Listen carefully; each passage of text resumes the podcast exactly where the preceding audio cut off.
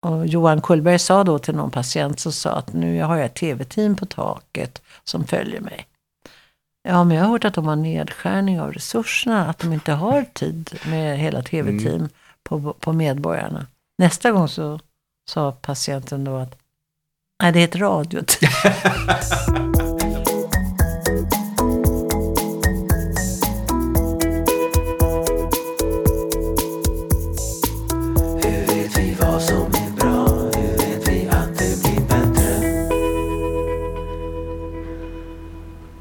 Kafferast i Kunskapsfabriken.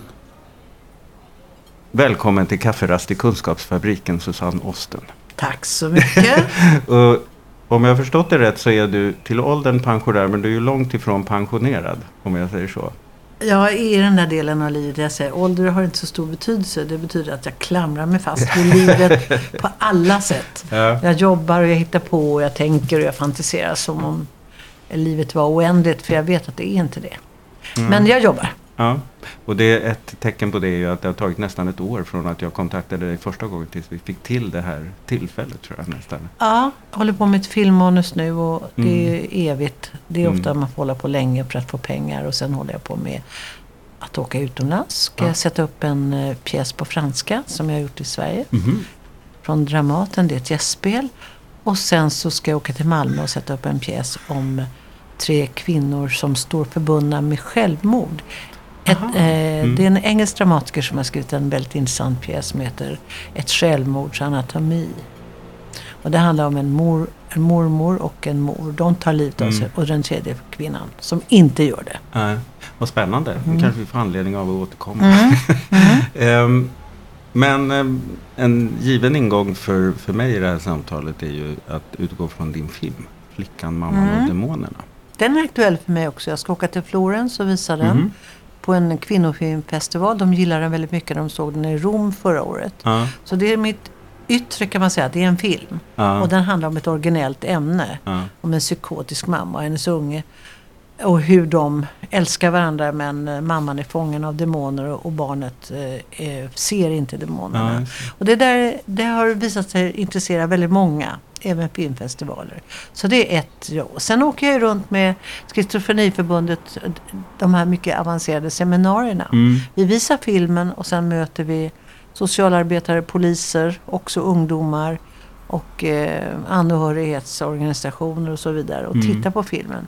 Och sen har vi ett paket där jag ibland ingår att prata om filmen, om min bakgrund och hur jag kom på den här filmen. Och sen har vi också föredrag om hjärnans och forskningen kring hjärnan. Och eh, synen på eh, psykos och mm. schizofreni. Och Margareta Hertelius, ordförande, och Åsa Konradsson Gauken. De är de som jag har mest att göra som med. Driver projektet. De driver det här ja, projektet. Det, som är eh, första tre året där vi fått pengar av Allmänna arvsfonden. Mm. För att faktiskt ta bort skammen för eh, barn. Mm.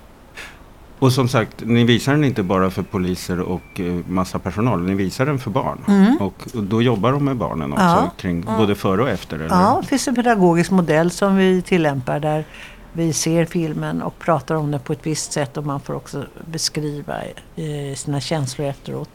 Och eh, vi går igenom det och sen är det fria frågor och eh, sen är det också ett åtgärdspaket. Vad skulle man kunna ha gjort? Hur skulle ja, man kunna ha hjälpt mm. flickan eller mamman ja, eller båda? Tidigare skede. Eller, mm. ja, eller nu. Och det visar sig att barn ofta har ett konkret empatiskt perspektiv. Mm. Varför ringde de inte på dörren? Varför gjorde grannen inte ett försök till? Eh, varför tog det så lång tid för lärarinnan att orosanmäla och så vidare. Det kommer faktiskt väldigt mycket konkreta grejer från barns verklighet där de inte bryr sig om alla svårigheter eller alla rädslor vuxna har att stöta sig mm. med barnens föräldrar. För att de ser ju att barnet behöver hjälp och eh, de tycker att det verkar vara krångligt och ta lång tid innan barnen får mm. hjälp. Och det reagerar de på, det är ju det som är så bra med en story. Just det. Och det brukar jag påminna om mm. att det här är bara en 90 minuter av en människas liv. Men ett barn ensam med en väldigt deprimerad eller sjuk förälder. Det är ju dygnet runt i 24 timmar. Det är en helt mm. annan och verklighet. Och i många år. Och i åratal. Mm. Och dessutom också i, i filmen så får man ju se man förstår att det accelererar på något sätt. Mm. Eh, det gör man kanske inte som barn när man lever i det. Nej, man mm. fattar mm. nog inte vad man är med om. Men jag, jag kan gå till mig själv och säga att jag förstod väldigt sent vad min mamma hade. Det var heller ingen som sa någonting till mig om det. Mm. Eh, man förstod att grannar tyckte hon var konstig och jag lärde mig att liksom mörka att det var min mamma när jag mm. var tonåring och så. Men det tog mig väldigt lång tid. Jag var tvungen att rymma och bli omhändertagen och placerad på en skola och bli vuxen innan jag började sätta ord på vad jag, vad jag hade varit med om. Mm. Så, så för mig var hon ändå min mamma hela tiden och jag hade en dröm om att hon skulle börja skriva igen. Hon mm. var ju journalist. Just det. Och det är mamman i filmen ja, också? Ja, hon är mm. det i filmen. Och det är oklart hur hon egentligen får jobb och det är lite ja, tjat det, och det är lite man tillfälligheter. Man förstår att det är svårt. Mm. ja, just det. Just det. Mm. Och hon krockar med det så kallade normala beteenden. Mm. Och hon är häftigt maniskt kan man säga på några punkterna. För inga pengar alls. Hyr en limousin och åker hem till ampitrén. Just det, och ska göra en kändisintervju. Och göra en kändisintervju utan att de har träffats mer än någon gång. Kanske. Ja, just det. Mm. Var det svårt att göra filmen för dig? Det tog mig otroligt lång tid att få göra den här filmen. Jag skrev boken 98 det var samma år som jag hade då hört föredrag om eh, Källan. Som är ett ja, ställe där barn kan gå och sortera sina förvirrade mm. intryck om föräldrarna går med på det. Och det är också Schizofreniförbundet ja, som driver det. Källan? Va? Det var mm. på den här nya tankegångarna som alkoholforskning och barn hade. Man hade drivit någonting som med Ersta-modellen. Just det, vändpunkten. Vändpunkten och så gjorde Schizofreniförbundet då ett, ett försök med en verksamhet som finns på alla möjliga olika orter. Jag blev slagen av det här som Eva eh, Valtré, som hon hette på den tiden, sa att vi andra vuxna kan ju gå hem klockan fem och ringa på larmknappen. Det kan ju inte ett barn. Mm. Så jag tänkte att eh, vi ska göra en pjäs på min bok. För boken var ett sätt att sätta ord på som Din en saga, som en spökhistoria. Ja. Men utifrån dina egna erfarenheter? Ja, utifrån ja. mina ja. egna. Eh, och jag hade länge sökt en modell. Jag, jag höll ju på med barnteater länge, långt innan jag skrev boken. Men jag sökte en modell för hur man kunde beskriva någonting man inte såg och som ändå var kusligt. Mm. Så det var mer som en spökhistoria och sen förvandlade vi det till en pjäs. Det gjorde min dramaturg Erik Uddenberg. Han skrev en pjäs på mina erfarenheter boken och vi testade det direkt enligt mitt sätt att regissera. Mm. Jag testade på barn, små mm. barn. Är det spännande det här? Vill ni veta fortsättningen? Det ja. Och det visade sig att de nappar ju väldigt och det blev en väldigt framgång pjäsen också för vuxna. Så psykiatrin började ringa. Och sen verkade det ju helt och vi åkte utomlands med pjäsen. Den översattes till engelska och vi, den spelades på andra språk. Men det där med filmindustrin, de var livrädda för att det här skulle bli någon kuslig... Oh, ja. De fick ju rätt på det sättet att den blev omedelbart censurerad när jag väl hade hittat. Jag hade hittat en, en, en filmproducent, en mm. Konsulent som det heter i, vår, i våra kretsar. Man mm. går till Filminstitutet och prövar sin idé mot en konsulent. Jag hittade en man eh, som trodde på det och, och, som hade erfarenheter av en lite mer rörig uppväxt och, och såg att det här var en bra barnfilm tyckte han mm. i det där materialet. Eh, Baker hette han och Baker Karim. Och jag honom evigt tacksam. Men han trodde på filmen och det var okrångligt att få göra den. Men det var efter många försök, många års försök, mm. att få någon att nappa. Ja, och sen blev den omedelbart censurerad av eh, Massmediarådet som granskar alla ruskiga eh, Aha. filmscener du kan tänka dig. Ja. Och fann att just den här var extra ruskig och borde förbjudas. Det vill säga från 15 år. Då föll ju hela idén ja, då med... var det bortkastat. Ja, bortkastat. Ja. Jag hade spelat den för sjuåringar eh, under 20 år. Ja. Och skolan hade tagit emot den och psykiatrin hade godkänt den och så vidare. Men mm, som film var den för ruskig. Och de brukar ju inte lämna några detaljerade förslag vad det var som var ruskigt. Men jag förstår att det är hängningsscenen. När mamman är, ja, just det. Mamman är väldigt eh, eh, sjuk och eh, hon har också idéer om att hon ska döda sitt barn. Och det är ju ruskigt. Och, och som hon för, det tycker jag är en otroligt stark del i filmen. För mm. när de kommer till den punkten och demonerna eh, kommer dit här att de säger att du måste göra det av med mm. ditt barn. då kämpar hon ju emot. Hon kämpar emot Då, då blir hon ju en hjälte. Ja. Faktiskt. Det är det, jag också fint. tycker är så viktigt att, att hon gör ju ingenting ont. Nej. Hon har bara röster som är aggressiva. Och hon, tror att hon måste lyda dem. Hon pratar med sitt barn och säger att de kommer inte komma åt dig Mm. eller mig. Mm. För jag gör inte som de säger. Så hon kämpar emot.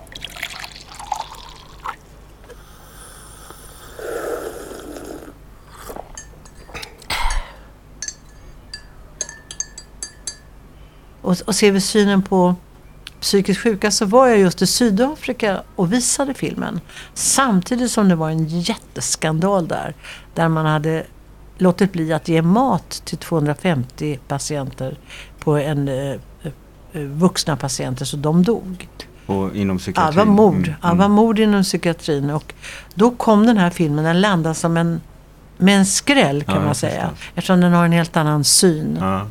Eh, och, eh, så att jag ser att även där börjar man diskussionen nu i vissa länder om, om psykvården. ja, just det. För att det filmen gör är ju inte bara att förklara hur det är för barnen utan också oerhört väl hur det är för mamman. Ja, hon har Eh, faktiskt ja. en plågsam sjukdom. Ja, Och som handikappar henne. ja.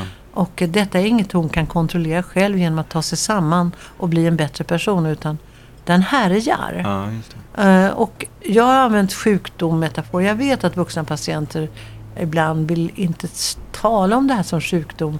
Men jag tycker att det är bra ur ett barnperspektiv att tala om det som något som kan gå över och som någonting som kan bli bättre Mm. och någonting som kan försvinna. Och Mm. någonting som kanske inte försvinner men kan bli bättre. Kafferast i Kunskapsfabriken. Det är så mycket som är tabu för barn. Vi Mm. pratar inte om döden. Nej. Vi pratar inte om psykisk sjukdom. Vi har svårighet att prata om sex med barn. Vi har överhuvudtaget svårt att... Därför att vi har lämnat barndomen och det, det här är, har jag ju tvingats inse då efter att ha jobbat så mycket med det här. Att det är inget val vi gör utan vi måste bli vuxna och då är förlusten av barndomen ett. Vi, vi, vi kommunicerar inte med barn längre. Vi är inga barn. Vi måste Är det ett sätt för oss menar du att vis, visa för oss själva att vi är vuxna? Nej, ja, vi måste helt enkelt överleva i vuxenheten. Det är Ja, så tufft att vara Ja. vuxen. Vi ska ju tjäna vårt levebröd. Och vi ska bilda familj och vi ska klara oss och vi ska klara av att inte vara som alla andra lyckade människor som man skulle vilja vara med. Det är så Mm. mycket som vi måste klara av. Och då att gå tillbaka till det där sårbara vidöppna menar jag. Mm. I vår utveckling. Det finns inom oss. Men det är inte det vi håller öppet. Ja. Så när vi, när vi säger så här, vi måste börja lyssna på barnen. Då säger vi någonting oroande. Vi säger att du måste faktiskt dämpa takten. Du måste eh, öppna dig för det som är sårbart. Ja. Du kan inte hela tiden komma med vuxna råd. Därför att i den här världen där du pratar nu, där, vet, där råder kaos. Mm. Och du har inte den överblicken så att några strukturella råd, så i största allmänhet lite hastigt utkastade, hjälper inte. Du måste helt enkelt ta dig tid att vara med det här barnet för att få förtroende. Och du kan inte bara säga en gång, hur har du det med din mamma och sen gå. Mm. Du måste kanske göra det tio gånger. Du säger nog ett nyckelord där, att vara med. Och Var- att och det- vara utan Ja, att och det är som bristvara. göra, det är ju faktiskt ganska svårt. Ja. Eller det krävs ett slags mod. Ja, ofta, ofta så när vi möter barn säger vi så här, hur var det i skolan? Var det kul? Vad åt du till lunch? Mm. Vi, vi, vi rakar av, vi intervjuar oss igenom barnet. Och de lär sig mycket snabbt att svara på det vi vill höra. Men vi får inte reda på någonting. Inte någonting om hur är det att vara du.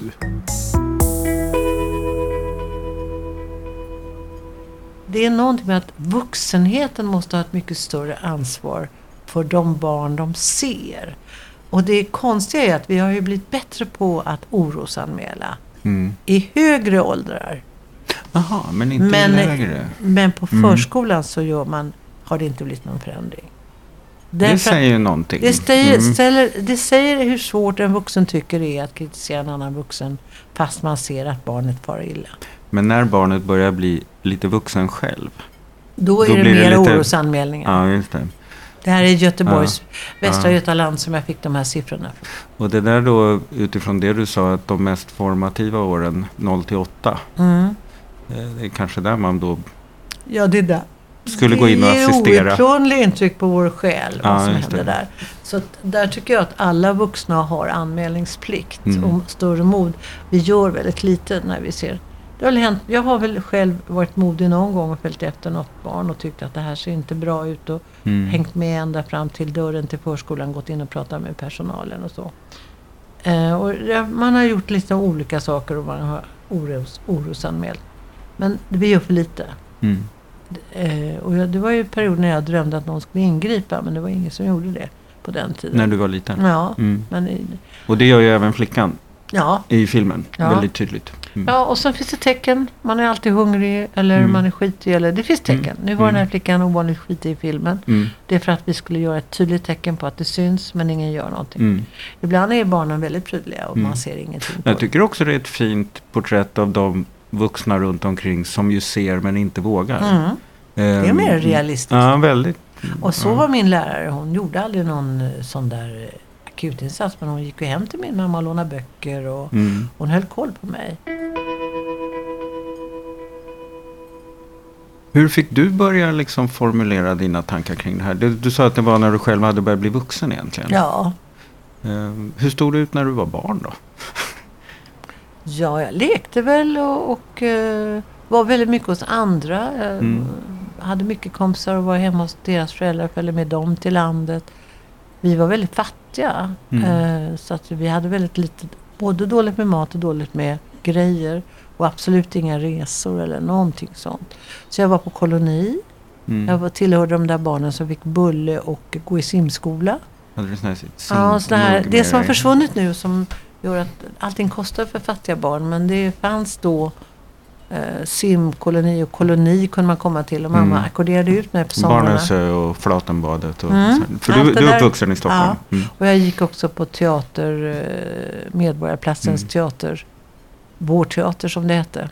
Så att det, det, jag var mycket på biblioteket. Och mm. Min mamma var en sån där som inte låste in mig. Men hon började, det var hotfullt när hon inte ville att jag skulle gå till skolan. För det upplevde jag nog som min livlina. Mm. Skolan. Jag tyckte om att gå till skolan. Där var mina kamrater. Jag hade en underbar lärare. Eh, så att jag tror att jag hankade mig fram lite. Jag hoppade hit och dit. Och den, de stora slitningarna kom i tonåren när jag inte kunde acceptera att vi hade så lite pengar. För jag behövde ah, ju saker. Ja, just det. Precis. Och då, jag behövde strumpor, mm. jag behövde grejer. Jag behövde se ut som alla andra. Och då börjar man förstå samhället ja, lite mer. Ja, då ser man kritiska blickar och mm. man börjar förakta sin sjuka mamma för ja. att hon inte kunde leverera någonting. Och samtidigt som man försvarade det utåt. Det skulle mm. inte gå att säga ett ont ord om min mamma. Nej. Eh, och det, lojaliteten är ju 100 200 procent. Mm. För att det är ens kött och blod. Men eh, i verkligheten är man sliten av att, att jämföra sig med alla andra. Eh, ja, det slutade med att jag rymde. Mm. För att jag klarade mig inte, helt enkelt. Mm. Och jag har haft kontakt med min eh, halvsyra. Okay. Så att eh, med henne hade jag då en, ett kik ut och fick också åka till henne och börja lära känna henne och så. Mm. Så det var bra. Nej, men eh, annars har fantasilivet har varit en stark kraft ja. för mig. Det positiva Ditt fantasilivet. Forum, liksom. Ja, böcker och teater. Mm. Och eh, en väldigt rolig lärare som tecknade och mm. hittade på grejer med oss. Och vi spelade teater i skolan och så. Det ja, drabbade ju mig när jag såg Flickan och mamman och demonerna. Att, att, det, att, att det är en så tydlig story. Mm. Och, och liksom att det, alltså hur ska det gå? Mm. Hur ska det gå? Mm. Det är ju väldigt fint i början också att man börjar med att säga att det kommer att gå bra. Ja, det hörde inte filmcensuren. nej, nej, det, nej, det. De blev i alla fall rädda. Mm. Nej, nej, men de har ju att bevaka att inte barn tar skada av film. Och jag har ju drivit det här nu i 40 eh, år att undersöka barn mm. och deras reaktion på dramatiska situationer. Och det som man ska ge barn, och där kan man väl ändå citera Astrid Lindgren, man ska alltid ge dem hopp. Just det. ska finnas något hopp. Men det behöver inte vara någon lycklig slutscen där alla äter Nej. tårta. Det kan vara eh, vitaliteten hos huvudpersonen. Mm. Om man tänker att så där ska jag också bli. Eller, mm. Det kan vara någonting helt annat. Hopp är någonting som är, handlar om vitalitet i berättandet. Men kan du tänka, alltså, då kommer jag tillbaka till mitt så här när BUP pratar med barn. Alltså de läkarna eller behandlarna eller sköterskorna, alltså deras ängslan över att vad ska jag göra mot det här barnet liksom? Om man är osäker på, men att ge hopp. Det är bra att vara saklig tror jag. Ja, just det. Men, ja, precis, och det behöver ju inte utesluta hopp. Att, eh, utan snarare att man säger att vi, vi vi tror nog att vi kan få en... Det kan hända något. Ja. Eh, det är ju en slags hopp, men vi vet inte riktigt vad. Men det kan bli bättre. Det är så att det finns antagligen inte så jättemånga visionära läkare och och terapeuter som vi skulle önska. Nämligen mm. miljoners miljoner ja, glada precis. människor som tror på livet och är där med den där optimistiska genen. Då. Det, det, mm. det är tyvärr så att det är ganska mycket ledsna och eh, hårt arbetande människor som mm. jobbar med barn. Och som och de, får väldigt lite tid att träffa barn. Ja, de har mm. väldigt lite mm. tid. De har inte mycket fantasi. Mm. Och eh, vi sätter inte fantasin på dagordningen. Nu utbildas förskollärarna i matte och eh, skolkunskap istället för hur man flyger på en eh, flygande matta mm. eller hur man tar en kudde och det blir något annat. Mm. De borde egentligen utbildas i hur man håller fantasin levande. Ja, det. Men det är inte det som de gör och jag tror att barnterapeuter och så de, de har allt, allt för mycket normalitet och sjukdom på hjärnan och, och, så ska mm. det vara korta terapier. Väldigt lite lek på hjärnan. De skulle ha mer lek. Och då, är, då bjuder de egentligen inte in barnet till att vara med i behandlingen. Nej. Utan... Dessutom är vi kloka som barn. Jag kommer ihåg alla mm. mina sittningar med terapeuter och så. Mm. För min mamma hon var ju helt besatt av att det var jag som var sjuk och hon var mm. frisk. Så hon satte mig i olika terapeutiska sammanhang. Jag ja, det var, fattade du? Ja. Mm. BUP och lekterapi och Rorschach-tester och allt vad jag gick igenom. Och jag har ju läst journalerna. Och jag, jag ser att den här lilla ungen gör ju motstånd. Mm. Alltså på allt för mycket utredningar. Eh, och, och, det var några gånger jag minns nu när jag pratade med dig. Jag tyckte det var roligt att träffa den här vuxna människan. Mm. Det var spännande att vara hemma i vardagsrummet hos någon som visade Rorschach-bilder. Mm. Det var ett spännande moment. Det var väl en levande bra terapeut då. Ja.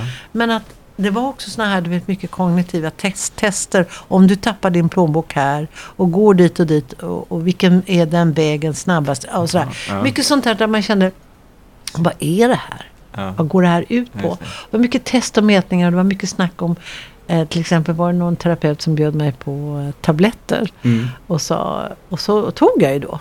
Och så står det efteråt att jag hade någon oral aggressivitet.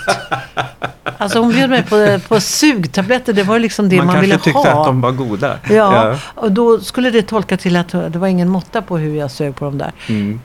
Ja, dels kanske jag var hungrig och dels kanske jag blev väldigt överraskad över att jag fick göra det. Ja, det. Och så jag passade på att ta en grabbnäve då. Jag, ja, och då var det aggressivt. Ja, alltså lite humorlösta iakttagelser på det där barnet tycker jag. Ja. När jag ser, jag menar allting har ju utvecklats synen på barnen har ju tagit ett språng. Mm. Så jag säger inte att det här är terapisituationen idag. Men det finns en, det finns en misstanke jag har att de inte har tillräckligt mycket lekträning och, mm. fritt associerande och tid. Så att de får inte kontakt med barn. Utan barn känner sig iakttagna, mätta och utvärderade och är en del mm. i en rapport.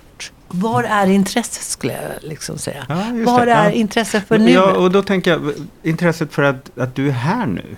Ah. Alltså att det ja, är ett möte. Ja, just nu pratar vi, och, ja, precis. Inte så att jag har ett jobb som går ut Nej. på det här. Utan... Alltså så när du kommer in här du ska göra en intervju med mig så sitter jag och skriver ner det här mm. i en dator. Mm. Jaha, och så ställer, då kan jag svara så här. Ja. Hur kul blir det? Ja, och vem tror, alltså vad får jag för uppfattning om mig då? Mm. Nej, att du inte syns. Hur vet vi vad som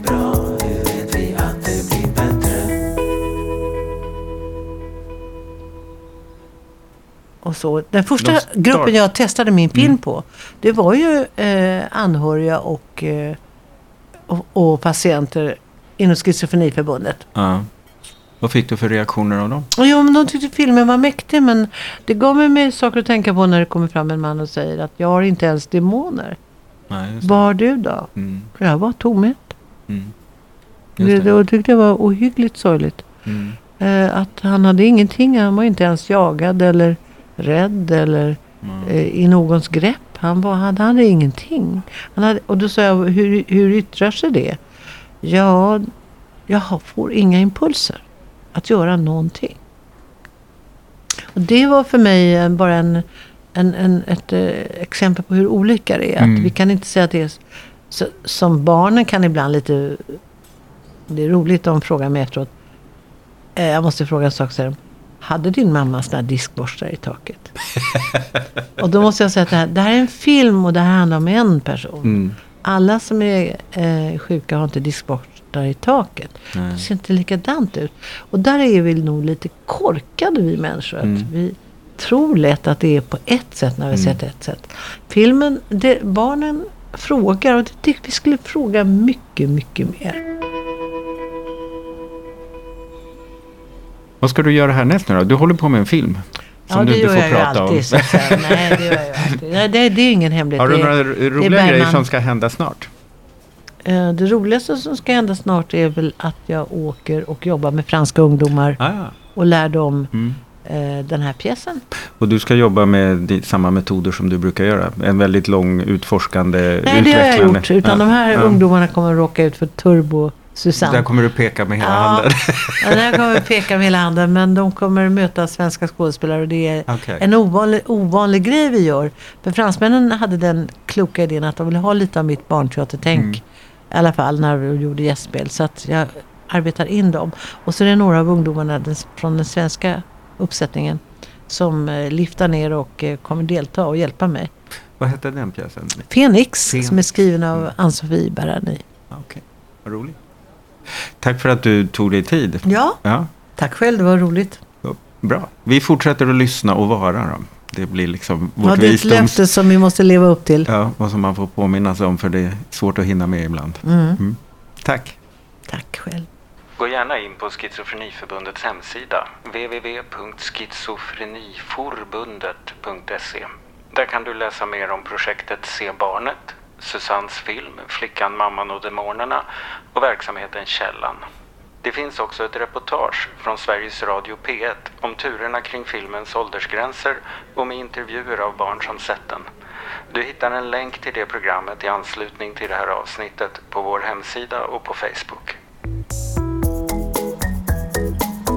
Den här podden görs av NSPH, Nationell samverkan för psykisk hälsa.